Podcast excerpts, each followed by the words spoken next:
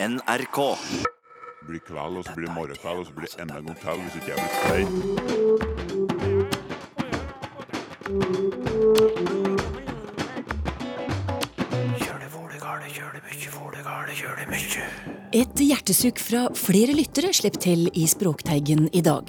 Nemlig forskjellen på arte og utarte. Utarte er noe helt annet enn å arte seg.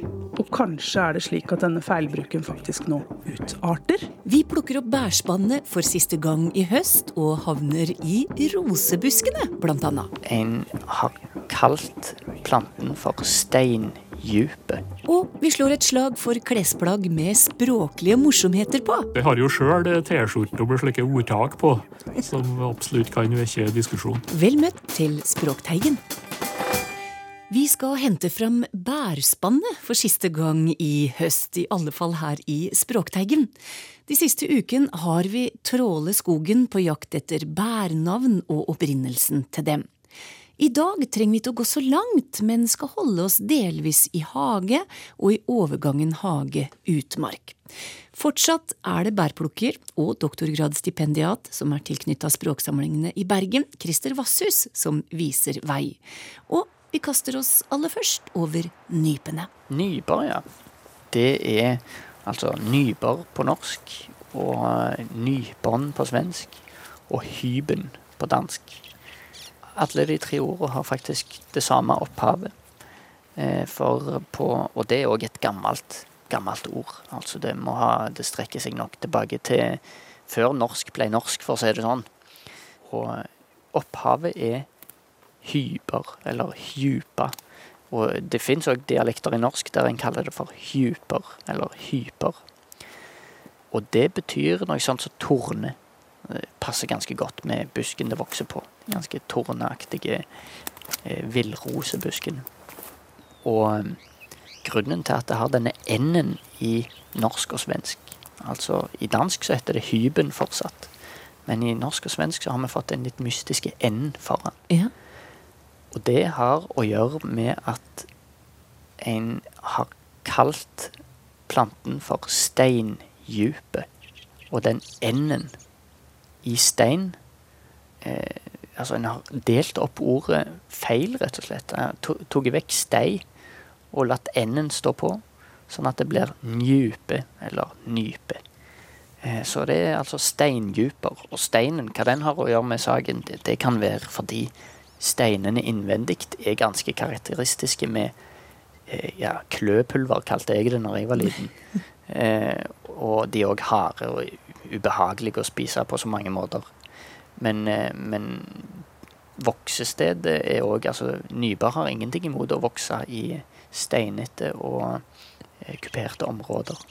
De trives jo nesten overalt. Ja, de gjør det. De er utrolig hardføre. Spesielt disse her eh, nordiske sortene, så, så de som blir kalt hunderoser, eh, villroser, de, de tåler det meste, altså. Og så har vi jo fått denne nye innvandreren, disse her japanske eh, store rosene som har flotte rosa eh, blomster og store. Eh, De, de er sånn nykomlinger. De er òg veldig hardføre. Sprer seg veldig raskt, spesielt i kystlandskapet. De neste bæra må vi kanskje hente et hjelpemiddel for å få tak i, for høyt heng dem, og sure er dem, som reven sa om rognebæra. De er ganske sure, og bitre òg, syns jeg. Ja. De, de får en litt eh, mildere smak hvis de får stå til frosten tar de, men eh, trosten er jo mer interessert i å ta de før det, gjerne. Så eh, Men altså Rogn og raun, som det blir kalt i norsk, det har å gjøre med fargen på bæret. Altså, rogn kommer av eh, et urgermansk ord som rekonstruert til raudnio, eller raudna. Og det er Der er det ikke spesielt stor forskjell i svensk, dansk og norsk. Der er det rønn på dansk, og det er rønn på svensk. Rønnbær? Rønnbær, ja. Ja. Mm. Eh, fargen, rett og slett. Og, og rønn er altså det samme som som det norske raun. Eh, altså en monoftangering. Den norske eh, au-lyden har blitt til ø i, i østskandinavisk. Og Og ingen store dialektiske variasjoner heller? Nei, og det tror jeg har å gjøre med størrelsen på treet. Altså det er et stort tre. Nøyaktig hvor, hvor mye tre og tømmer har blitt brukt i eh, transportøkonomi og altså eksport og sånne ting, det tør jeg ikke å si.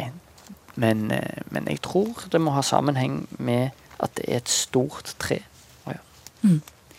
Rogn er ett stort tre, men vi har òg flere store trær som har spennende bær og bærnavn. Ja, altså Når det gjelder så, så, Rogn er et godt eksempel på at bæret har fått navn etter fargen, og treet har òg fått navn etter bæret. Men når det gjelder bær som vokser på store trær, så er det som regel sånn at bæret har fått navn etter treet. Det gjelder for eksempel eh, tjørn.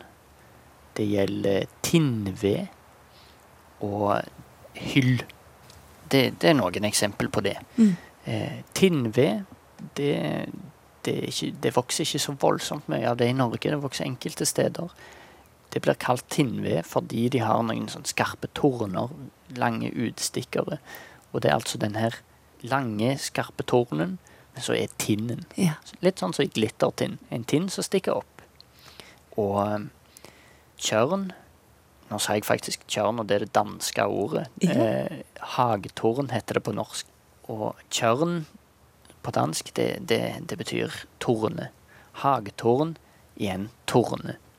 Hage betyr faktisk opprinnelig innhegning.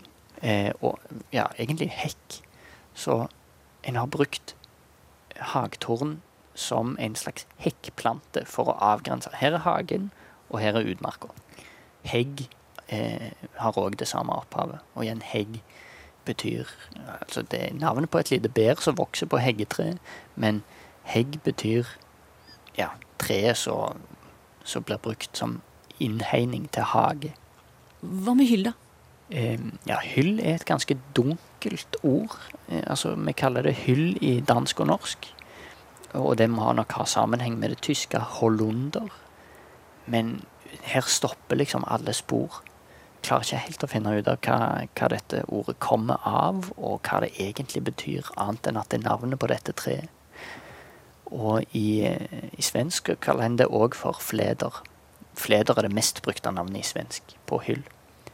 Og igjen, en kan spore det opp til nederlandsk, er det vel.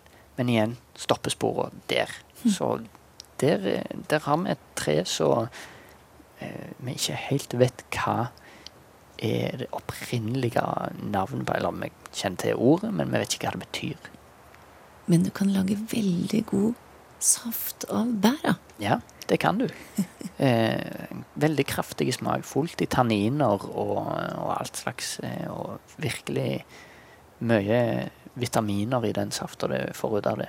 Skal bare passe på å ikke spise for mye av steinene. Det er blåsyre i steinene. Okay. Så Oi. hold deg vekk fra det. Altså, du, eh, du dør ikke av det, men eh, hvis du spiser mange steiner så du knaser med tennene, så kan du få litt vondt i magen. Det var siste bærtur, det, sammen med navneforsker og bærplukker Christer Vasshus.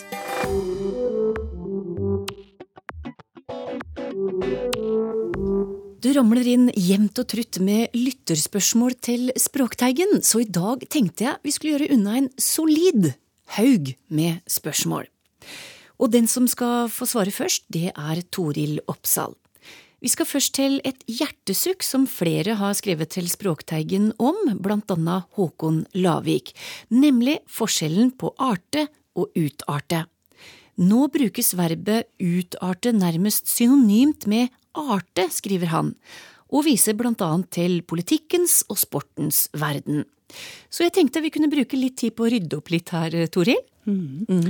Ja, Håkon Lavik eh, peker på noe mange har lagt merke til. Og ja, det er flere hjertesukk knytta til dette, og det er tatt opp i flere sammenhenger. Men, men jeg tror ikke vi kan gjøre så mye annet her enn å nøste opp i hva disse to uttrykkene betyr. En gang til. Skal vi gjøre det? Ja. ja. Utarte, det betyr å gå over grensa. Det er noe som utvikler seg til noe verre. Og hvis noe utarter, så tar det helt av. Ja. Eh, Da utvikler det seg i svært negativ retning. Eh, Det kan bli helt ustyrlig. Mens noe arter seg, der hører du den der lille seien. Dette her er et refleksivt verb som betyr eh, å fortone seg, utvikle seg, ta form. Um, hvordan vil eh, været arte seg de nærmeste ukene, kan man jo lure på. Og når noen arter seg vel, så skikker de seg bra. Og sammenblandinga her, den går ut på at eh, mange behandler utarte som et refleksivt verb. De legger på denne seien. Um, utarte seg. Og i samme sekund så hopper betydningen av arte seg over til utarte. Ja. Så man stiller spørsmålet hvordan vil været utarte seg de nærmeste ukene? Eh, og vi får da håpe at været ikke utarter, for da blir det ganske, ganske, ganske dårlige forhold. ja. Eh, jeg kan jo, vi kan jo i hvert fall spekulere i om denne her bruken er påvirkning fra utvikle seg. Det er en tanke som i hvert fall er ja, om ikke sann, så er det i hvert fall greit å se på det som en hypotese. Og som eh, Håkon Lavik eh, skriver, så er dette utbredt. Og kanskje er det slik at denne feilbruken faktisk nå utarter. Det kan, kan vi jo spørre oss. Um, Men eh, utarte er noe helt annet enn å arte seg. Hva betyr 'det skal du ikke kimse av'? Og kan man kimse av noe, spør Håvard Malde. Håvard Malde kan kimse av noe hvis han vil, eh, fordi kimse har en helt konkret betydning, og det er å slenge med hodet, kaste med nakken. Ah. Eh, Og dette her eh, er nok en variant av et annet verb, kime, som dette betyr å rugge og vrikke på seg. Og vi har andre beslekta verb også, som keime. Og Norsk ordbok er god å ty til når man vil se på varianter av verb, og de nevner et eksempel fra Vinje. Jenta rister med nakken, kimser og ser noe rar ut, står det. Og da står hun virkelig og kimser. Men den mest utbredte varianten i dag, det er nok eh, den Håvard Malde peker på her. Det er den overførte betydningen, der du gjør narr av eller nedvurderer noe, eller ikke tar det på alvor. Den finner vi svært ofte med nektelse. Og den frasen 'ikke å kimse av' er den som er mest slående. Og det er den som er gjennomgående i alt det jeg har funnet av eh, eldre litteratur. Og um, hvis du kimser av noe, så viser det jo veldig tydelig at du ikke bryr deg. så kanskje vi skal la være. Men er det samme som å kneise med nakken? Ja, det kan du også gjøre, men da, da får du ikke uttrykt det samme i overført betydning, for da nedvurderer du ikke direkte. Du kan gjøre det, du kan vise at du ikke bryr deg. Men eh, kimse kan bety noe helt annet òg, faktisk. Eh, I et bitte lite område av landet så kan man snakke om en kims som en ramme til å vinne opp fiskesnøret på. Så da får vi en litt annen betydning. Og et sted så kan man også bruke det til akkurat å komme på noe. Så hvis du akkurat kommer på en liten ting, så kimser du. Så, så vi har noen andre varianter, men det er nok denne herre å nedvurdere og ikke ta på alvor betydningen som eh, Håvard Molde tar tak i. Og den er det vanskelig å gjøre uten nektelse. Lurer på hvorfor det heter spanderbukser, skriver Brune på Twitter. Vet du hva, Torunn, det lurer jeg også på. Ja. Eh, og, og jeg er ikke den eneste som lurer på det. Eh, dette her, det jeg kan svare på, er hvor vi har henta dette fra. Det er fra tysk. Eh, det er spendierhosen. Og det å trekke i eller ta på seg spanderbuksene er gammelt. Det har antagelig et veldig gammelt opphav, og er jo nettopp et bilde på en stor grad av sjenerøsitet. Så når du tar på deg spanderbuksene, så er du mer spandabel enn du vanligvis ville være. Men hvorfor? Det aner jeg ikke. Men det er samtidig et veldig tydelig bilde. Mm. Jeg vet ikke om eh, spanderblusen hadde vært like effektiv. Eh, Og det er også ja, det er i buksene du gjerne har pung og mynter, og du har dype lommer som du kan grave i og finne fram ting å gi. Og du har også en bukse som kanskje er litt fin og litt ekstra. Ja. å gå på byen Ja, ja Mm. eh, rett og slett. Så her kan jeg ikke hjelpe Brune annet enn å si at dette her er gammelt og et effektivt bilde. Og så håper jeg jo at eh, vi av og til husker å trekke i spanderbuksene alle sammen. Ja, en god påminnelse det. Takk til deg, Toril Oppsal. Vi skal ha flere lytterspørsmål, og det er Tor Erik Gjenstad som svarer. Åsmund Eilert Støren spør kan en kalle en lite fingernem person for ei fukle eller fokle? Eller at noe som er fuklete, er vanskelig eller klundrete å få til? Det brukes iallfall muntlig her på Eidsvoll, sier Åsmund. Ja, eh, jau da, det ordet der og ordstammen, den eh, finnes nå ja, på sørlige Østlandet, da. eh, Og, og, og nedover, altså Telemark og helt ned til Lista er det registrert. Og du finner ei fukle, for eksempel, om ei som er lite tiss, ja. Og adjektivet fuklete eh, finner du òg flere plasser. Og verbet å fukle, som betyr å ja, klundre, klusse, håndtere på en klønete måte. Det er nok samme ordstamming. Og det kan skrive seg fra et nedertysk verb fukkelen som betyr å ga og dra seg, men det er jo ikke aldeles sikkert. Men det er, et slikt uh, sørlig eh, ord som finnes i både avledninger og sammensetninger. Eh, På Norsk ordbok som jeg jobba på, der var det et hefte. Det, ble jo laga heftevis, og der var det et hefte som gikk fra ordet frammed og til ordet fuglefingre. Og det var siste ordet i det heftet, så vi gikk liksom å ha det der ordet i, i haua. Og det er et ord som Hans Ross, Norsk ordbok, 1895, registrerer fra eh, flatbygden på Østlandet. da. Ja, Hva betydde der fuklefingra, da? Ja, da er det litt klønete, da. Ja. Eh, Litt eh, lite hengt, for å si det slik. Vi prata tidligere i et program, Tor Erik, om det her å åtre, eller atre, altså å gå bakover. Da var det snakk om hesten. Men det var òg å trekke noe tilbake i form av noe du har sagt, da. Og det fikk Fred Risvik til å tenke på otre, altså som i fiskemetoden. Og da spør han er det noen forbindelse mellom disse to orda. Ja, det var en interessant tanke, det der. Ja. Eh, verbet å otre, om å fiske med oter, det er nok avleda av fiskeredskapen. Eh, oter. Det er oterfjøla.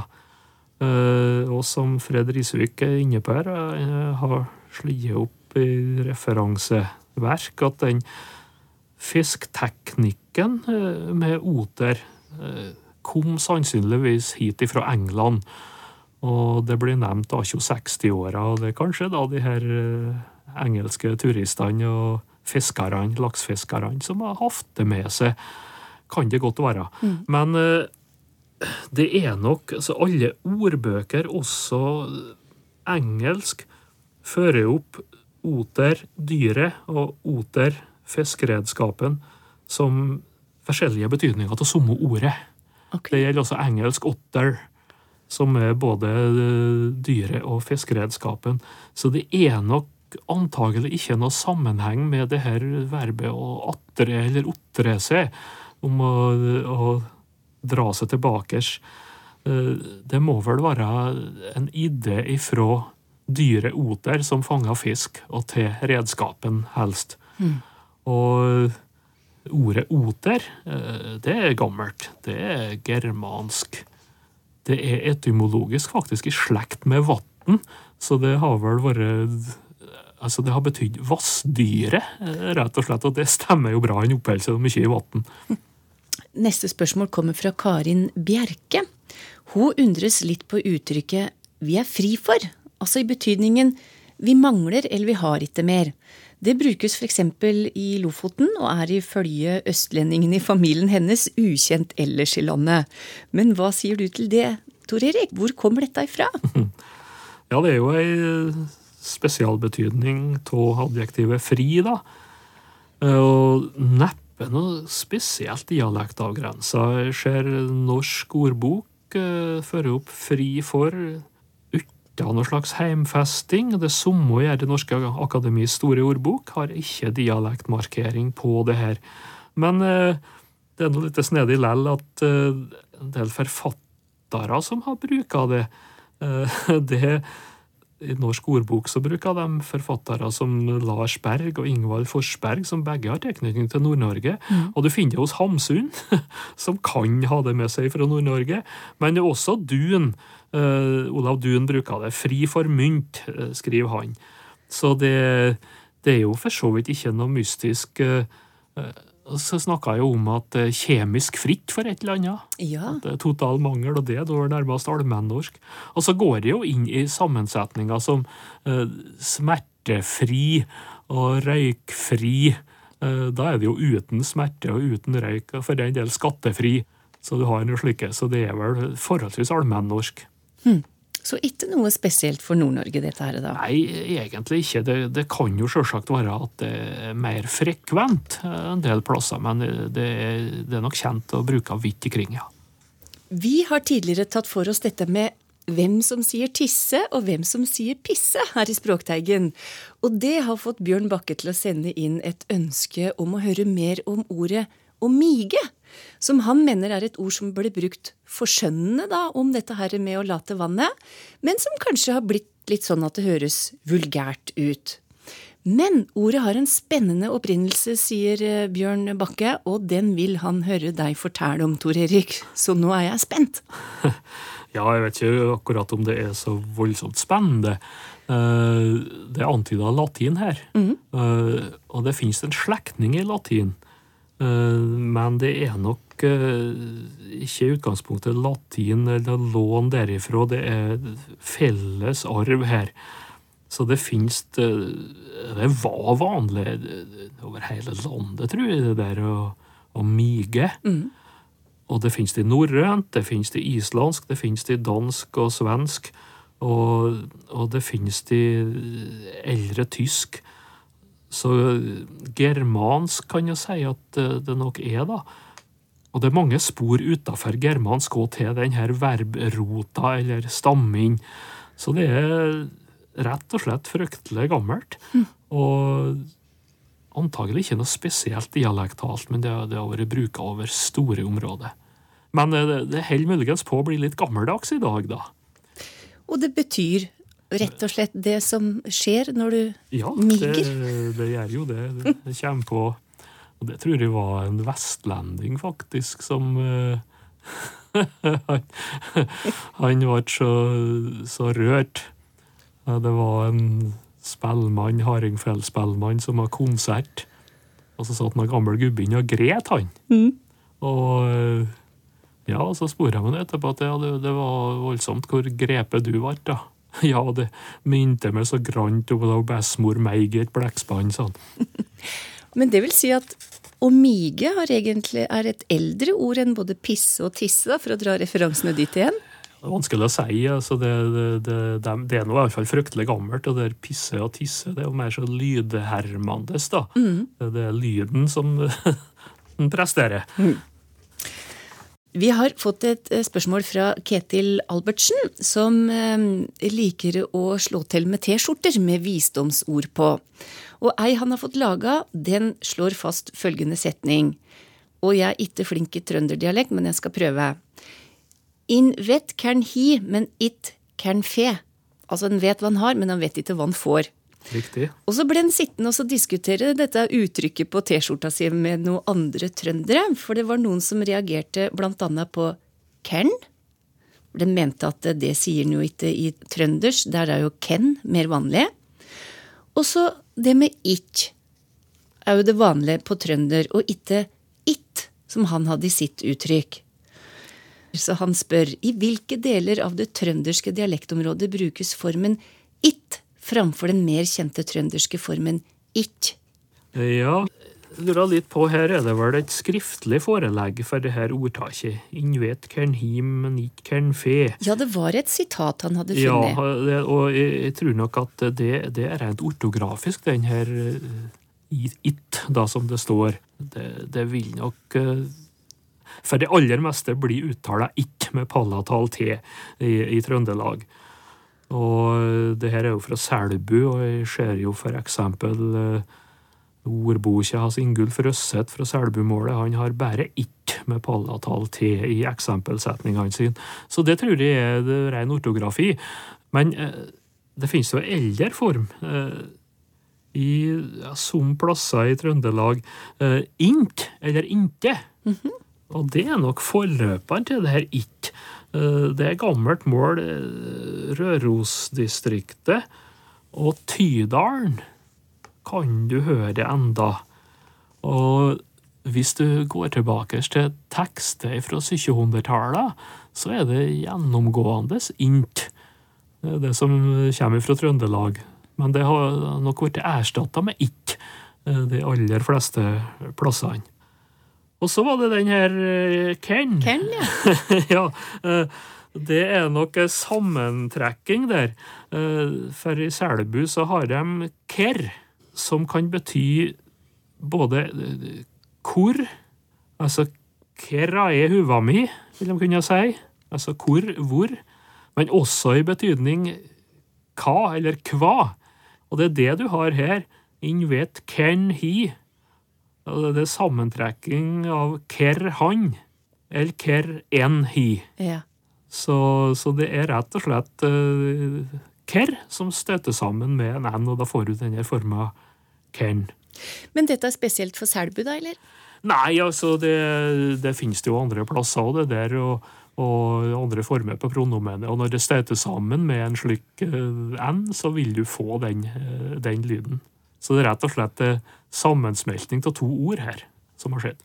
Men han eh, Ketil han må få full støtte på at eh, sitatet da er riktig avskrevet. Ja da, det, det er nok helt riktig, helt idiomatisk uh, selbøgg, det. Og så oppnådde han vel det han ville, litt diskusjon rundt språk. Provosere litt. Ja da, det, og det, det finnes Jeg har jo sjøl T-skjorte med slike ordtak på, som absolutt kan vekke diskusjon. Artig med språkdiskusjoner, altså. Takk til deg, Tor Erik Gjenstad. Med det var siste lytterspørsmål besvart i dag, men vi vil sjølsagt ha flere lytterspørsmål. Så har du et spørsmål eller en god idé om språk, ta kontakt med Språkteigen via e-post teigen krøllalfa nrk.no. Bruk Twitter eller NRK P2 sin Facebook-side. Du kan nå sende SMS hvis du synes det er det enkleste. Bruk kodeord Teigen og send meldinga til 1987. Det koster deg ei krone. Takk for i dag. Vi høres om ei uke.